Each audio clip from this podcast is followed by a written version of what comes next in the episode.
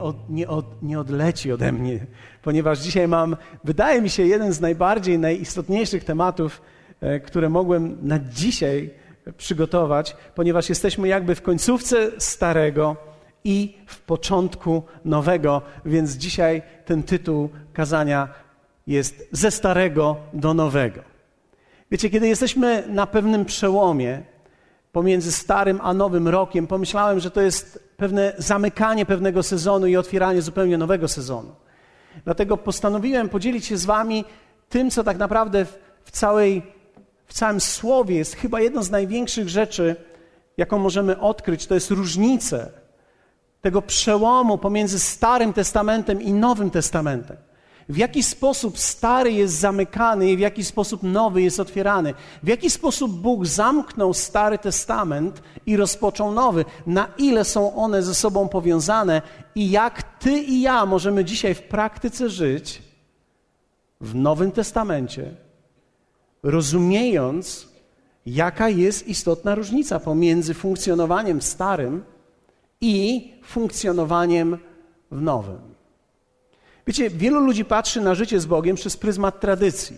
Więc kiedy mówię teraz o wierze w Boga, dla wielu ludzi tradycja ma ogromne znaczenie. Myślę, że żyjemy w kraju, który tak naprawdę jest cały jakby stoi na pewnej tradycji. Jesteśmy dumni z naszej tradycji. Myślę, że tradycja jest czymś bardzo wartościowym. Ona może nieść, nieść w sobie wiele wspaniałych rzeczy. Dostrzegacie te rzeczy?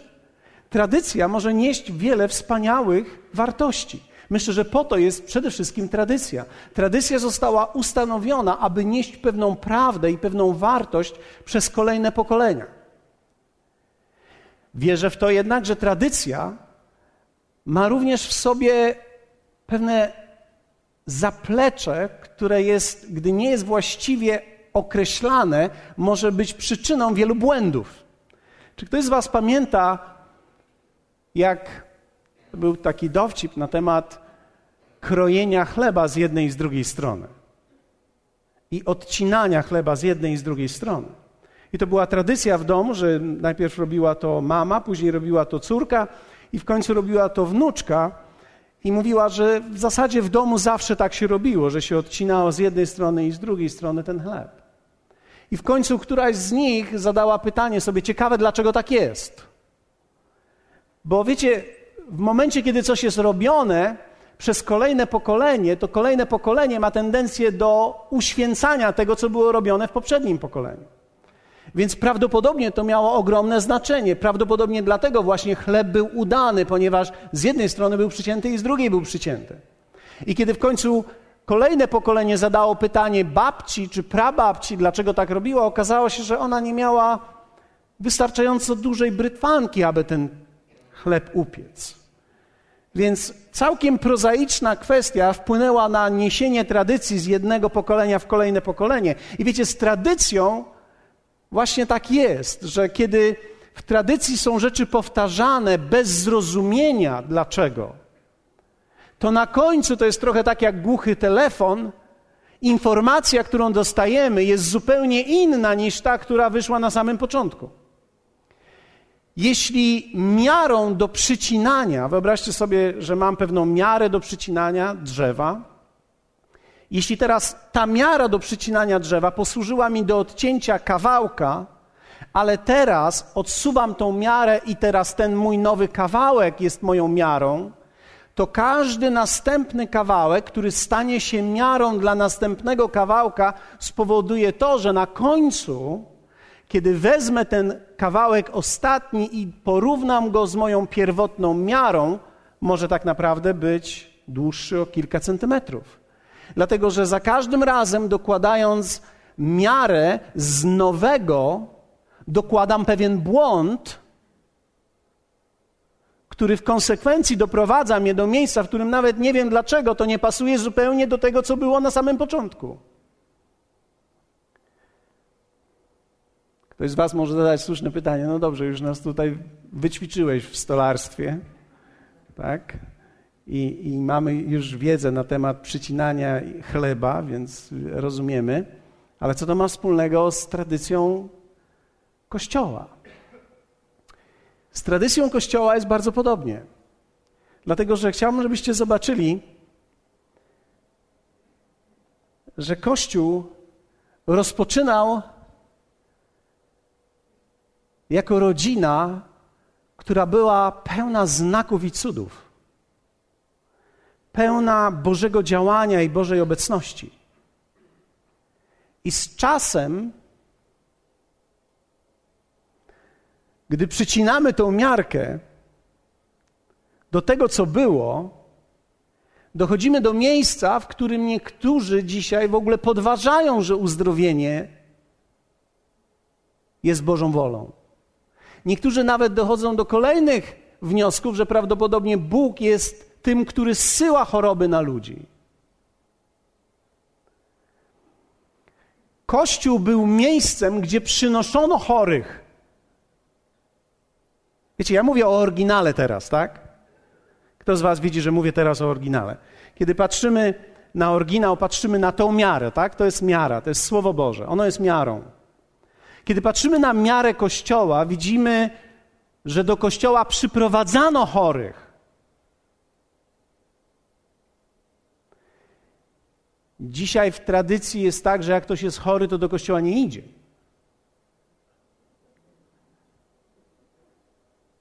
Dlaczego nie byłeś w kościele? Jestem chory. I wszyscy to rozumieją. Wszyscy mówią, no jasne. Dlaczego tak jest? Ponieważ zobaczcie, jak daleko odeszliśmy. Odeszliśmy tak daleko, że nawet nie oczekujemy, że Bóg zadziała, kiedy my, my się spotkamy.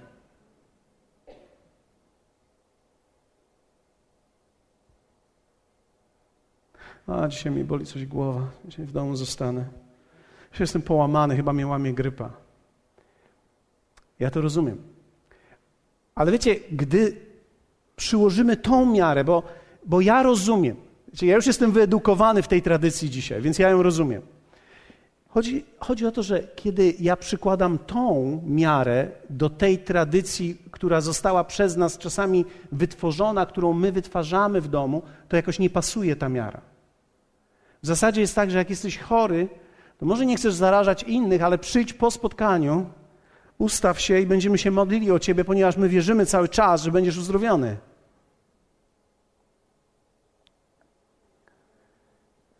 Dziękuję Wam za ten aplauz z wiary, ale rozumiecie, o czym mówię? Kościół zaczął się od wielkiego wylania ducha, gdzie ogień stępował na ludziach zebranych. Dzisiaj czasami jesteśmy w miejscach, gdzie mówimy o kościele, gdzie ludzie patrzą na zegarek Ciekawe, jak długo jeszcze będzie mówił, bo, bo musimy iść i, i, kurczaka przyprawić, bo, bo, bo przecież rosół jest u mamy. I ja nie sądzę, że ten rosół jest czymś złym, a nawet nie sądzę, że kiedy ktoś jest chory, to nie jest usprawiedliwiony, gdy go nie ma, bo jest.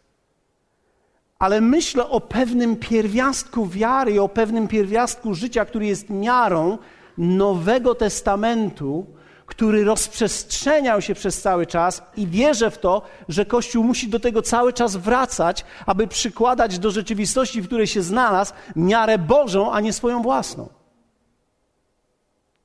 My nie możemy porównywać naszych spotkań do tego, co było tydzień temu, my porównujemy do tego, co jest tutaj.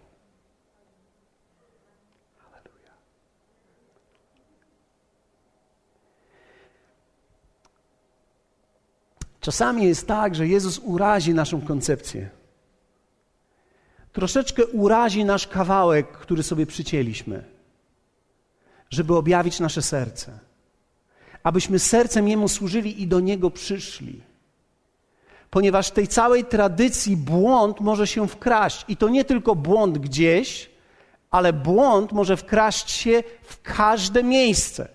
Dlatego, że wszystko, cokolwiek w życiu robimy regularnie, ma tendencję do spadania. Jak wielu z Was wie o tym, że, że zakochać się to jedno, a kochać to drugie. Kiedy musiałem się wyrywać, żeby być z moją dziewczyną, aktualną moją żoną, to budziło moją ekscytację. Po dwudziestu kilku latach, żeby wzbudzić ekscytację, że wspólnie razem gdzieś będziemy, wymaga pewnego wysiłku. Ja nie chcę powiedzieć, że jest źle, my nie jesteśmy złym małżeństwem, ale rozumiecie, o czym mówię? Pewna regularność sprawia, że rzeczy powszednieją i kiedy rzeczy powszednieją, cały czas musimy uważać, żeby nie przycinać za daleko, ale żeby brać tą samą miarę, którą mieliśmy na początku i roz, roz, rozgrzewać to wszystko do tej miary, aby przycinać do tej miary, ponieważ nie możemy się pogodzić z tym, że odchodzimy od jakichś rzeczy i jest nam z tym dobrze. Bo nigdy nie będzie dobrze, dopóki nie będzie tak. Halleluja. My nie chcemy tylko ładnego kościoła. My chcemy Boży Kościół. Chcemy, żeby Bóg się manifestował i aby mógł się manifestować na wiele różnych sposobów. Między nami, w nas, w naszych domach, w naszych rodzinach. Wierzę w to, że największe cuda są jeszcze przed nami. Wierzę w to, że największa ilość znaków i cudów jest przed nami. Wierzę w to, że przed nami są spotkania dłuższe niż do tej pory mieliśmy w naszej historii. Ktoś z Was mówi, może pomyśleć, o mój Boże, tylko nie trafiło na dzień, w którym ja będę. Ja się modlę, żeby trafiło na dzień, w którym Ty będziesz. Bo wtedy poczujesz, jak to jest być w Bożej obecności przez pięć godzin i nie chcieć wychodzić z tego. Wiecie, w większości ludzi, którzy żyją w pewnej mierze tradycji, w kościele się nudzi. Więc im dłużej człowiek ma być w kościele, tym nudniejszy ten dzień jest. Ale wiecie, ja byłem i jestem na spotkaniach w momentami, gdzie chciałbym, żeby to się nigdy nie skończyło.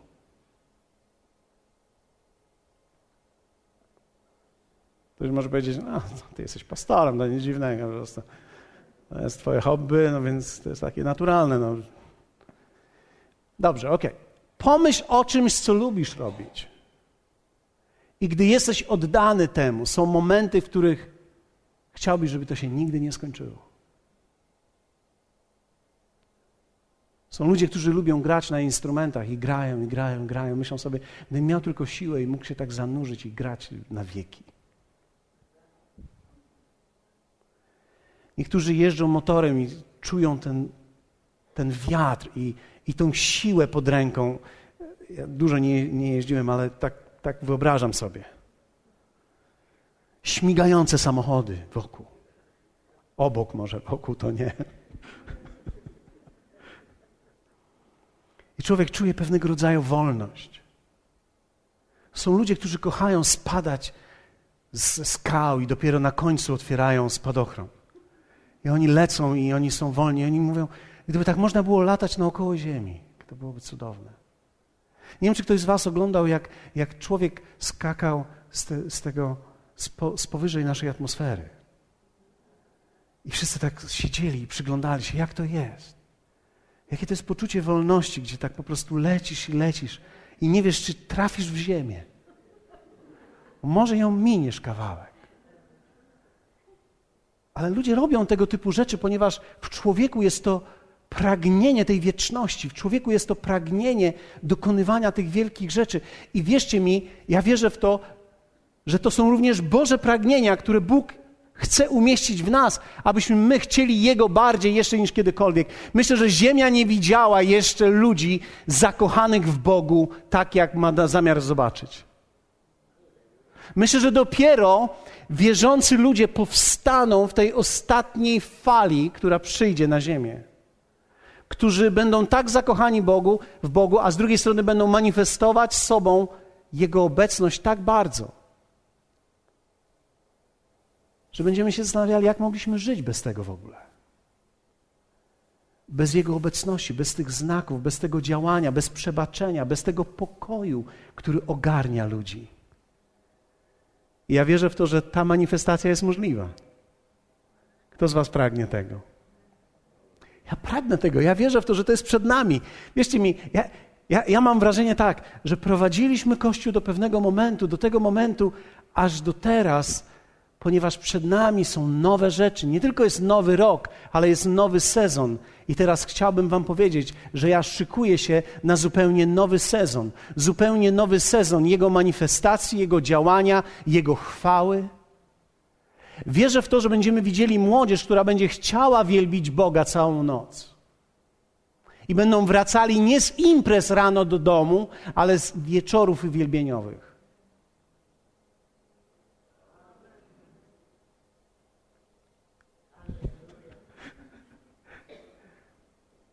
Wracaj, tylko o 12 masz być, pamiętaj. O 11. Nie, mamo, do 12 będę. Wróć przed szóstą. Mamo, ja będę na wieczorze uwielbieniowym. Przed szóstą. To jest możliwe. To jest was, zadaje sobie pytanie, czy to jest możliwe w ogóle? Tak, to jest możliwe. Ja wierzę w to, że tak będzie. Ja wierzę w to, że tak będzie, że my do tego zmierzamy. Wierzę w to, że będziemy widzieli to tutaj. Ale abyśmy mogli doświadczyć tego, zobaczyć to, musimy zobaczyć, jaka jest ogromna różnica pomiędzy Starym Testamentem a Nowym Testamentem. Dlatego, że jestem przekonany, że nie jesteśmy w stanie przyjść w stary sposób do nowych rzeczy. Nowe rzeczy, które są w Bogu, wymagają zupełnie nowego podejścia. Proszę może tą kopertę. Spójrzcie na ten tekst. Dzisiaj przygotowałem coś dla Was, to są nagrody. Jaka jest różnica pomiędzy Starym a Nowym Testamentem? List do Hebrajczyków, siódmy rozdział, werset 18 i 19, tylko dwa wersety. Jesteście ze mną? A to mam nagrodę, pamiętajcie. Uwaga. A przeto poprzednie przykazanie zostaje usunięte z powodu jego słabości i nieużyteczności, gdyż zakon, prawo nie przywiódł niczego do doskonałości. Z drugiej zaś strony wzbudzona zostaje lepsza nadzieja, przez którą zbliżamy się do Boga. Wiecie, werset 18 mówi, a przeto poprzednie przykazanie, to słowo przykazanie to jest słowo, które E, greckie słowo, które oznacza receptę. Poprzednia recepta, ktoś z Was wie, co to jest recepta? Wie, wie co to jest. Niektórzy wiedzą, dużo mają recept, tak? Ja wierzę w to, że nadchodzi czas, że będziesz gniótł recepty, bo będziesz uzdrowiony. Zostanie, zostaje usunięte z powodu jego słabości. I tutaj mamy greckie słowo, które oznacza impotencję. To jest bardzo ciekawe, bo to oznacza, że Bóg zawsze pragnął zradzać. I on mówi, że stare prawo zostaje usunięte z powodu jego słabości i nieużyteczności, gdyż przez to prawo, to prawo nie przywiodło niczego, a dokładnie mówiąc, żadnej osoby do doskonałości. Kto z Was chciałby być doskonały przed Bogiem? To jest coś, z czym się wszyscy zmagamy, kiedy przychodzimy do Boga.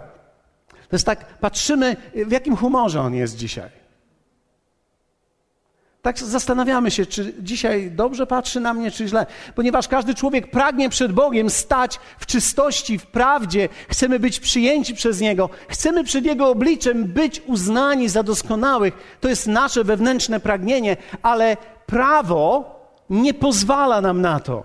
I prawo żadnej osoby, te zasady Boże, które były wcześniej, żadnej osoby nie doprowadziły do doskonałości. I kiedy często pytamy o różnicę między Starym a Nowym, odpowiedzi są takie: Stary Testament jest już nieważny, nie trzeba go czytać.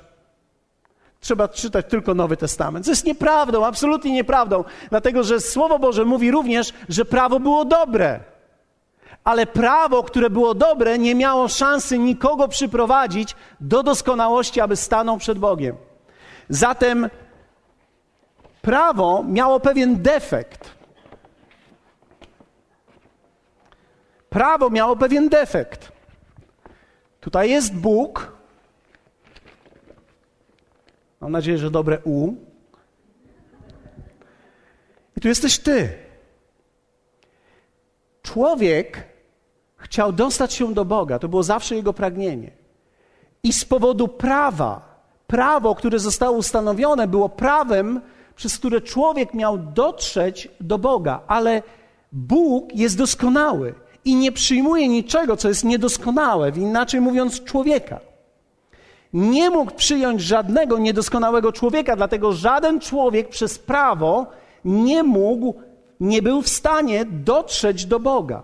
Nie był w stanie wejść do środka, być razem z Bogiem, być w społeczności z Bogiem. Nie był w stanie dotrzeć do Boga z powodu tego, że prawo nie, nie dawało takich możliwości. Prawo, prawo było bezużyteczne w tej kwestii. Prawo było dobre. Ono objawiało, jaki naprawdę jest Bóg, ale nie dawało szansy nikomu, żadnemu człowiekowi. Wiecie, to jest niesamowite. Chciałbym, żebyście nie odeszli teraz ode mnie. Bądźcie ze mną. Powiedz do swojego sąsiada, bądź z pastorem teraz, myślami. Proszę cię, bądź ze mną. Dlatego, kiedy mamy nowy, nowe przymierze, mamy stare przymierze, mamy nowe przymierze, nowe przymierze ma zupełnie inny charakter, ponieważ często nazywane jest Nowym Testamentem. Powiedzmy razem testament. Wiecie, przymierze, przymierze oznaczało ja coś czynię, ty coś czynisz. Przymierze często zawierane jest pomiędzy ludźmi. Małżeństwo jest przymierzem.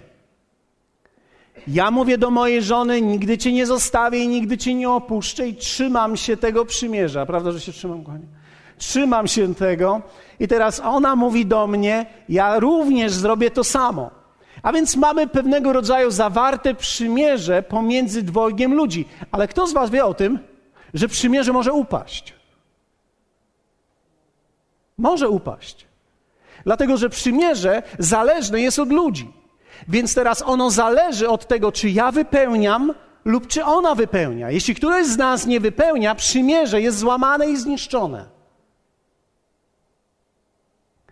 Ponieważ nie było żadnego doskonałego człowieka na ziemi, który byłby w stanie wypełnić to przymierze, całe to prawo, które, przez które człowiek miał dotrzeć do Boga, nie było w stanie mu pomóc, bo żaden człowiek doskonały nie pojawił się na tej ziemi.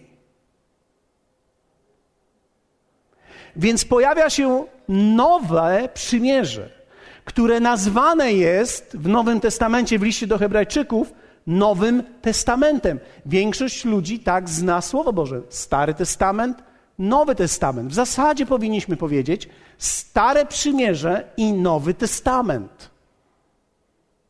Powinniśmy powiedzieć Stare Przymierze i Nowy Testament. List do Hebrajczyków, dziewiąty rozdział, mówi takie słowa. I dlatego jest On, On, kto On? Jezus, powiedzmy razem Jezus. Jest Jezus pośrednikiem nowego przymierza. My mamy tutaj słowo przymierza, ale w greckim dokładnie jest testamentu. A żeby gdy poniesiona została śmierć dla odkupienia przestępstw popełnionych za pierwszego przymierza, Ci, którzy są powołani, otrzymali obietnic, obiecane dziedzictwo wieczne. Gdzie bowiem jest testament, tam musi być stwierdzona śmierć tego, który go sporządził. Bo testament jest prawomocny z chwilą śmierci, a nie ma nigdy ważności, dopóki żyje ten, kto go sporządził. I tu zaczynamy wchodzić na pole, które zaczynamy rozumieć. Kto z Was kiedyś otrzymał jakikolwiek testament? Jedna osoba. Okay, dziękuję bardzo. Wszyscy czekają na swój testament. Dobrze. Ale różnica pomiędzy testamentem a przymierzem jest taka, że w przymierzu trzeba było dochować swojej części przymierza, a testament zależał od urodzenia. Wyobraźcie sobie teraz, że nagle przychodzi do ciebie poczta. Musicie sobie teraz powyobrażać. I dostajesz list. Czy ty jesteś tym, ponieważ e, miałeś wujka, który zamieszkał po wojnie w Anglii, który był biznesmenem i miał trzy fabryki. Ale nie ma nikogo oprócz ciebie, który mógłby dziedziczyć to wszystko, co on zostawił. Kto z Was chciałby mieć kiedyś taki list? ja znam takiego człowieka, który taki list dostał. Wyobraźcie sobie, że był taki człowiek, którego poznałem i on otrzymał spadek. Faktem jest, że ta rodzina była już po latach duża, ale otrzymał spadek około 200 tysięcy złotych, który był wa wa wartością chyba jedną pięćdziesiątą całości tego spadku. To nie był wcale taki mały spadek. 200 tysięcy złotych każdemu by pomogło z nas. Komu z was pomogłoby chociaż trochę? Niektórzy mówią, no na święta by było. No. Ale te kolejne, prawda? Ale rzeczywiście tak jest, że kiedy mówimy o testamencie, testament jest ważny, gdy jest śmierć tego, który go spisał. I testament zależy od urodzenia, a nie od dotrzymania swojej części. Więc teraz, kiedy mówimy o Nowym Testamencie, to różnica jest taka. Na krzyżu dokonało się coś niewiarygodnego. Kiedy Jezus przyszedł, był bez grzechu i do końca wypełnił prawo. I jako ten, który wypełnił prawo, jako pierwszy miał dostęp do Ojca. I to jest w formie koperty. Jezus miał dostęp do Ojca i znalazł się w Ojcu, w całkowitej komunii z Nim. Czy to nie jest genialne? Jezus to uczynił. Teraz zobaczcie. Teraz ty i ja.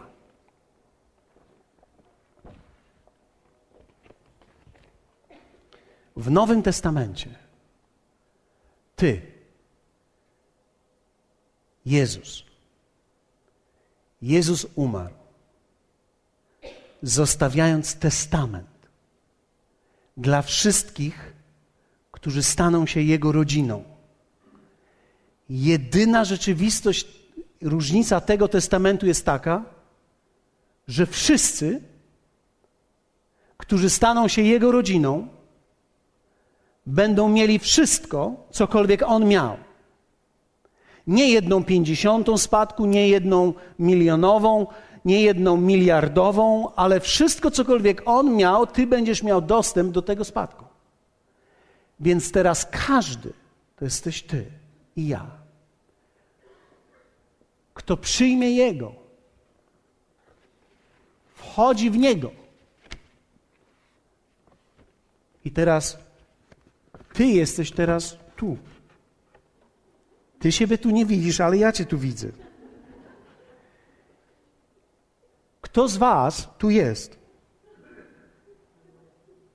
Każdy, kto oddał swoje życie Jezusowi, gdy przyjąłeś go do swojego serca, zostałeś umieszczony w Jezusie. Wow, ale pięknie tu wyglądasz. Teraz główna sprawa. Nie wychodź stąd. Pozostań tu. Nie uciekaj. Pozostań tu w tym miejscu, ponieważ w tym miejscu masz całkowity dostęp do Boga, ponieważ Jezus ma dostęp do Boga. Wszystko, cokolwiek Jezus ma, ty masz. Powiedzmy to razem. Wszystko, cokolwiek ma Jezus, ja mam. Więc co się zmieniło w Nowym Testamencie? Mamy nowy przystęp do Boga. Mamy zupełnie nowy przystęp do Boga. Ty i ja nie mamy już dzisiaj niczego, co nas od Niego oddziela.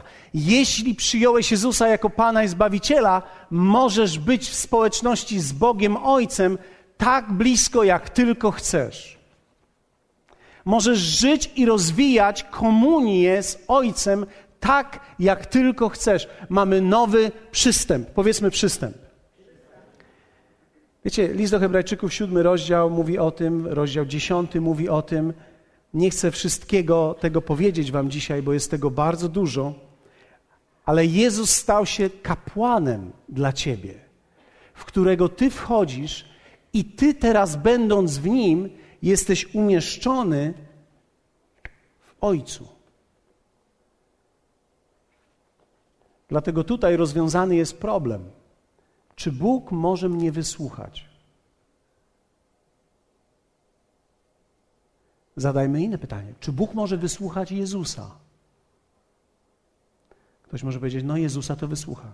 Jeśli Jezusa wysłucha, to znaczy, że Ciebie również musi wysłuchać. Bo On się zobligował, żeby wysłuchać Jezusa. A Ty, będąc w Nim, będziesz wysłuchany. Pamiętacie słowa, które powiedział Jezus przy grobie Łazarza? Powiedział: Dziękuję Ci, Ojcze, bo Ty mnie zawsze wysłuchujesz. Widzisz, Ty z powodu tego, co Jezus uczynił, Ty i ja mamy dzisiaj przystęp do Boga, że zawsze nas wysłucha. Tak naprawdę On zawsze chce wysłuchać nas w każdej jednej sprawie. We wszystkim, cokolwiek jest Jego wolą, którą poznajemy w Jego słowie, On chce nas wysłuchać.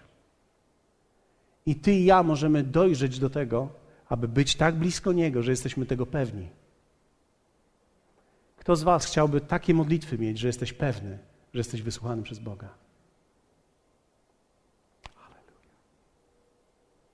Chcę być tak blisko Niego, tak zanurzyć się w Jego obecności, że nic nie będzie tak istotne jak On i Jego obecność. I wiem, że o cokolwiek Go poproszę, On mnie wysłucha. To jest wola Boża dla Ciebie. To jest rodzaj życia, który On nam dał. A więc mamy nowy przystęp. Drugie, mamy nowy dostęp. Dostęp do obietnic. Przez wiarę mamy dostęp do obietnic. Wiecie, list do Koryntian mówi tak: Albowiem Syn Boży, Chrystus Jezus, którego wam zwiastowaliśmy, ja i Sylwan i Tymoteusz, nie był równocześnie tak i nie, lecz w nim było tylko tak. Bo obietnice Boże, ile ich było, w nim znalazły swoje tak, dlatego przez niego mówimy Amen ku chwale Bożej. Jezus otrzymał wszystkie obietnice Ojca. Całe życie, które było w Ojcu, jest w Jezusie. Do wszystkich obietnic On ma dostęp i wszystkie są spełnione. I teraz, kiedy próbowaliśmy mieć dostęp do tych obietnic sami, przez prawo i wypełnianie uczynków, nie udawało nam się i było tak lub nie, w zależności od tego, kto trafił, kto nie trafił. Ale od momentu, kiedy zostałeś umieszczony w Jezusie, list do Koryntian mówi, albowiem Syn Boży Chrystus Jezus, którego wam zwiastowaliśmy, ja i Sylwan i Tymoteusz, nie był równocześnie tak i nie, lecz w nim było tylko tak. Co odpowiada Ojciec Jezusowi, kiedy On go o coś prosi?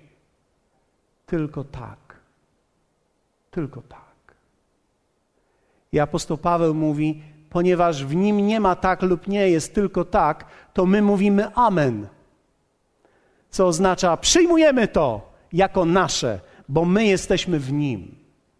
Zatem ty i ja mamy dostęp do wszystkich Bożych obietnic, które zostały nam dane. Mamy nowy dostęp. Wcześniej trzeba było spełnić wiele warunków, żeby mieć dostęp do czegokolwiek. Dzisiaj przez wiarę masz dostęp do wszystkiego, co Bóg ma. Masz dostęp do uzdrowienia. Masz dostęp do zaopatrzenia. Nigdy nie musisz być w życiu już biedny. Możesz być jak chcesz, ale nie musisz.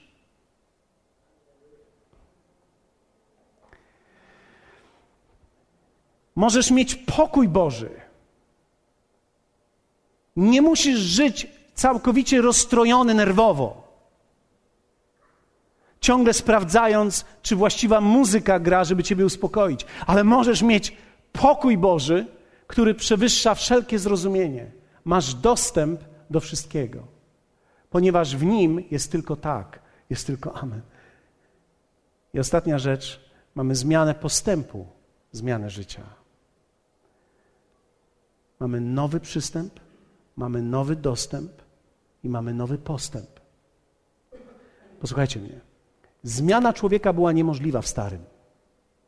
Człowiek nie był w stanie się zmienić, ale w nowym jest w stanie się zmienić.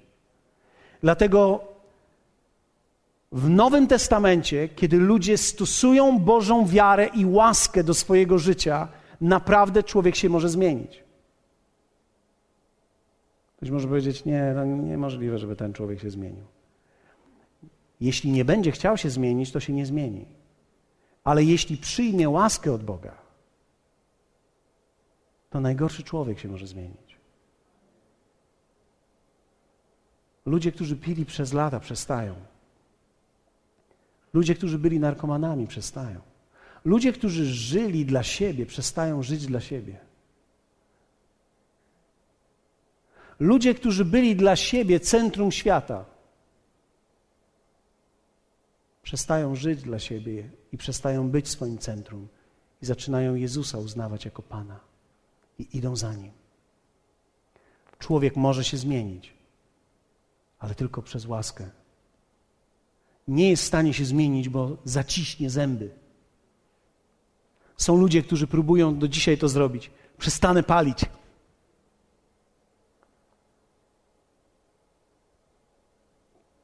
Tak się człowiek nie zmienia. Człowiek w Nowym Testamencie zmienia się przez przyjęcie, a nie przez wysiłek. Ogromna zmiana, która nastąpiła między starym a nowym, polega na przyjęciu, a nie na wysiłku. W dalszym ciągu jednak jest to akt. A więc w Nowym Testamencie nie możemy powiedzieć, jak Bóg chce, tak będzie. Jeśli ty nie wyciągniesz dłoni przez wiarę, to nic nie przyjdzie do twojego życia. Ale musisz nauczyć się przyjmować. Przyjmować zupełnie nowy przystęp do Niego, do relacji z Nim. Wiecie, ten kolejny rok, w który wchodzimy, mo moje, moje myślenie było takie wczoraj. Wczoraj myślałem o tym bardzo. Myślałem o tym tak. Ten kolejny rok będę bliżej Niego niż kiedykolwiek byłem wezmę od Niego więcej niż kiedykolwiek mogłem wziąć. Tak wiele potrzebuję uzdrowienia, zaopatrzenia, tej misji nawet, którą mamy. Ale również zmienię się, jak do tej pory się nigdy jeszcze nie zmieniłem. Moja żona będzie miała nowego męża, który będzie się tak samo nazywał. Wierzę w to, że moje dzieci będą miały nowego ojca, który będzie się tak samo nazywał. Bo to jest umiejętność przyjęcia. Więc mamy wielką zmianę. W starym był wielki wysiłek. Do dzisiaj ludzie mówią: Ja się poprawię kiedyś. Jeszcze muszę pracować nad sobą. To są wszystko zmagania, które nie mają nic wspólnego z nowym. W nowym trzeba przyjąć. Słowo Boże mówi: Tym, którzy go przyjęli, dał prawo, dał moc, aby się stali. Trzeba przyjąć. I dzisiaj pomyślałem, dzisiaj jest dzień przyjmowania. Dzisiaj jest dzień przyjmowania. Są wśród nas osoby, są wśród nas, wierzę w to, że każdy z nas może się w czymś odnaleźć. Być może pragnąłeś mieć o wiele bliższą relację z Bogiem niż do tej pory miałeś. Być może niektórzy z Was się z tym zmagają i mówią: Relacja z Bogiem to brzmi jakoś dalekie dla mnie, to brzmi jakby ktoś mnie rozdzierał. Jest jakieś niezrozumiałe dla mnie. Może stać się dla Ciebie czymś wyjątkowym. Ten rok może być dla Ciebie przełomem. Być może niektórzy z Was myślą: Tak wiele w Bogu jest, a ja tak niewiele wziąłem do tej pory. Moje życie tak naprawdę nie widzę wielkich zmian, nie dostrzegam tych zmian. Chciałbym widzieć. To jest ten nowy dostęp, który masz. To jest umiejętność przyjmowania rzeczy przez wiarę od Boga. Wierzę w to, że wielu z Was będzie mogło to otrzymać i dzisiaj staniecie w tym miejscu, gdzie weźmiecie to i wejdziecie w nowy rok w zupełnie nowy sposób. A niektórzy z Was być może siedzicie, oglądacie i myślicie, mój Boże, przychodzę tutaj już rok za rokiem, niektórzy tygodniem, niektórzy miesiące, niektórzy mówią, w sobie, wewnątrz siebie mówisz, jak długo będę chodził z tym ukrytym grzechem, jak długo będę chodził z tą rzeczą, która mnie tak męczy i dołuje, która mnie tak ciągle policzkuje. Bóg mówi, możesz przyjąć i możesz wziąć to dzisiaj. On jest tutaj dla ciebie. Możesz przyjąć zupełnie nowy postęp zmiany życia. Coś, czego nie mogłeś otrzymać przez własne staranie, On chce ci to dać, ponieważ należysz do Jezusa i jesteś w Jezusie.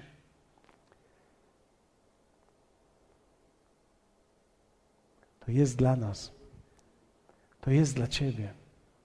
To jest tutaj. On jest tutaj. I wierzę w to, że dzisiaj nikt z nas nie musi wyjść z tego miejsca pusty, ale możemy wyjść pełni Jego ducha, przyjąwszy od Niego wszystko to, co On ma dla nas. Powstańmy. Powstańmy. Jeśli jesteś i oglądasz nas teraz, chciałbym zachęcić Ciebie, aby wziął swój telefon, abyś napisał nam, którą z tych rzeczy chciałbyś dla swojego życia. Będziemy modlili się o Ciebie. Wiecie, wierzę w to, że Jezus w mocy swojego ducha jest tutaj obecny. Są wśród nas ludzie, którzy są daleko w tej relacji z Bogiem. Wiecie, nawróciłem się w 83 roku, to jakoś tam robi jakieś lata. Ale muszę powiedzieć wam, że jeszcze nigdy nie byłem blisko Niego tak, jak w tym roku byłem. A jedną z rzeczy, którą tworzy obecność Boża, to jest głód na więcej. I ja wierzę w to, że 2.15 będzie jeszcze bliższym dla mnie rokiem. I wierzę w to, że on może być bliskim rokiem dla Ciebie. Rokiem bliskości z Bogiem. Rokiem bliskości Jego woli, Jego słowa, zrozumienia tego, co On ma dla Ciebie. Jak wielu z Was pragnie w tym nowym roku być bliżej Niego niż kiedykolwiek? Czy pragniesz przyjąć tą, ten przystęp do Boga, który otrzymaliśmy w Jego kapłaństwie, w kapłaństwie Chrystusa, który, który jest niesamowite, bo On żyje. I On jest ciągle tym kapłanem dla nas. On jest jedynym pośrednikiem, w którego Ty i ja możemy wejść. Być może jesteś dzisiaj tutaj i nigdy nie oddałeś życia Jezusowi. I nigdy nie znalazłeś się w Nim. Być może jesteś blisko Niego. Być może jesteś blisko. Wiecie, ja wierzę w to, że człowiek przez życie przybliża się często. Są momenty, gdzie przybliżamy się do Niego. I często są to momenty bardzo kluczowe dla nas, w których musimy podjąć decyzję. Bo gdy nie podejmiemy decyzji w danym czasie, te momenty odchodzą. I później już nie jest tak łatwo. Ta odległość się zmienia. Bóg zawsze daje nam szansę.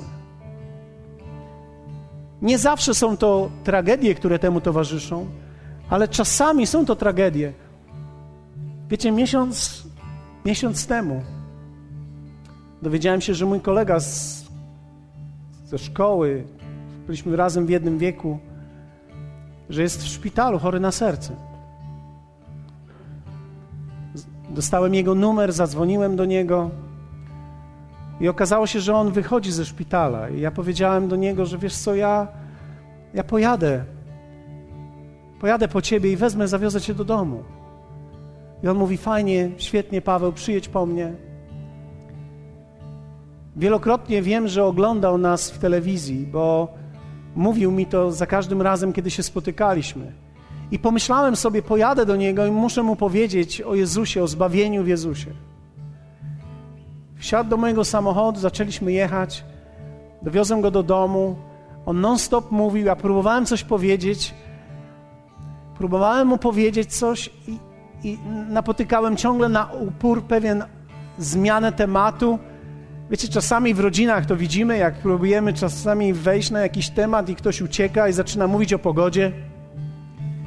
I on cały czas uciekał, w końcu mówi, zrobię ci herbatę i pomyślałem sobie, jest jakaś szansa, wypiję z nim herbatę, porozmawiamy. Ja muszę mu powiedzieć o Jezusie, muszę mu powiedzieć o zbawieniu. I po półtorej godziny Zobaczyłem, że tak naprawdę włączył muzykę, włączył telewizor, sprawdzał, ile alkoholu zostało w domu. Pomyślałem sobie, mój Boże, chyba nie jestem w stanie dotrzeć do Niego.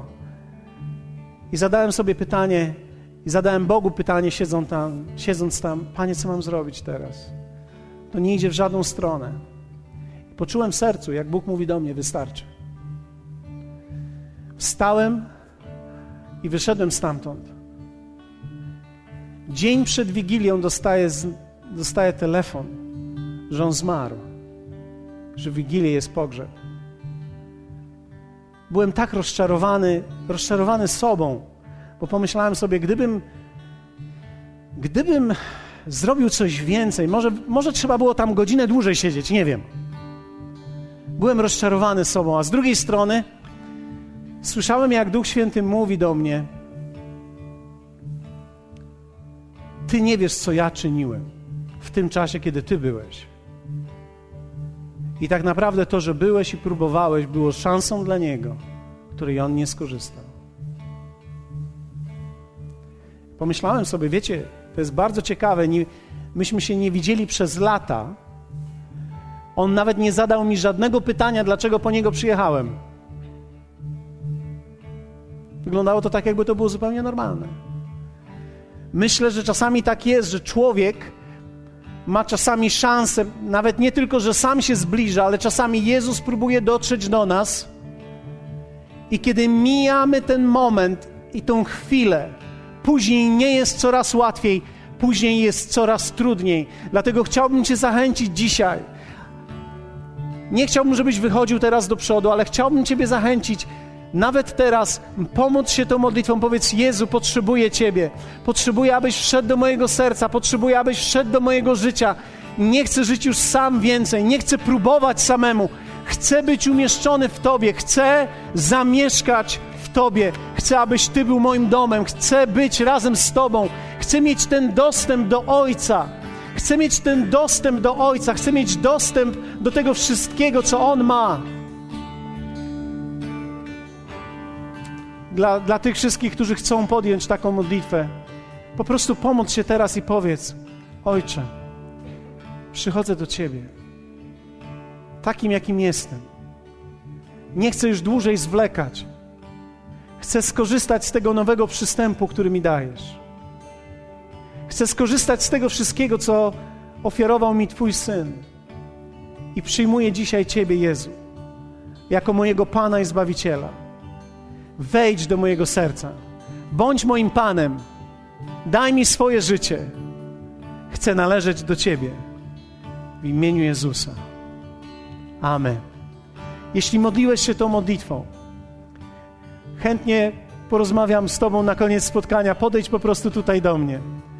Pomodlę się jeszcze o Ciebie. Wierzę w to, że Bóg ma plan dla Twojego życia i że nie jesteś tutaj przez przypadek.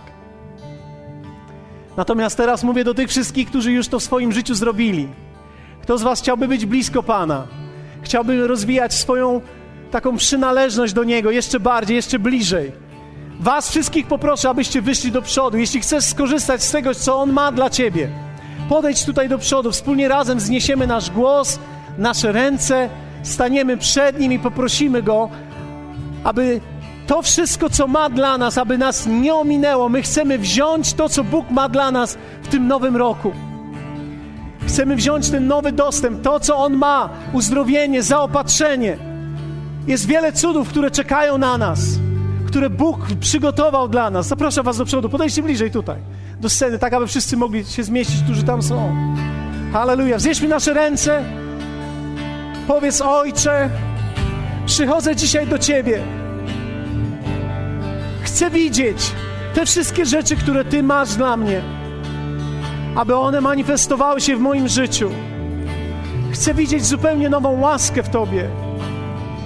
Chcę widzieć uzdrowienie mojego ciała, uzdrowienie moich bliskich, zaopatrzenie, które przychodzi do mnie, które Ty masz dla mnie, które nie jest owocem tylko mojej ciężkiej pracy, ale Twojego błogosławieństwa. Pragnę, abyś prowadził mnie w tym. Chcę przyjąć to dzisiaj. Nie podejmuję dzisiaj wysiłku, aby to wziąć, ale podejmuję wysiłek, aby to przyjąć. Otwieram moje ręce, moje dłonie, moje życie, aby wziąć to wszystko, co Ty masz dla mnie, aby wziąć to wszystko, co Ty masz dla nas. Jeśli jesteś tutaj i zmagałeś się z jakimś nałogiem, który Ciebie męczył, który męczył Twoją rodzinę, proszę Ciebie, abyś powiedział teraz do Niego: Panie, ja chcę widzieć tą zmianę, chcę widzieć ten postęp, chcę widzieć zupełnie nowy postęp w moim własnym życiu. Chcę widzieć, że Twoja łaska i Twoja siła są większe niż moje ego, są większe niż to, co mnie dopadło, to, z czym się zmagałem i z czym żyłem. Przyjmuję dzisiaj. Powiedzmy razem: przyjmujemy. Przyjmujemy, Ojcze.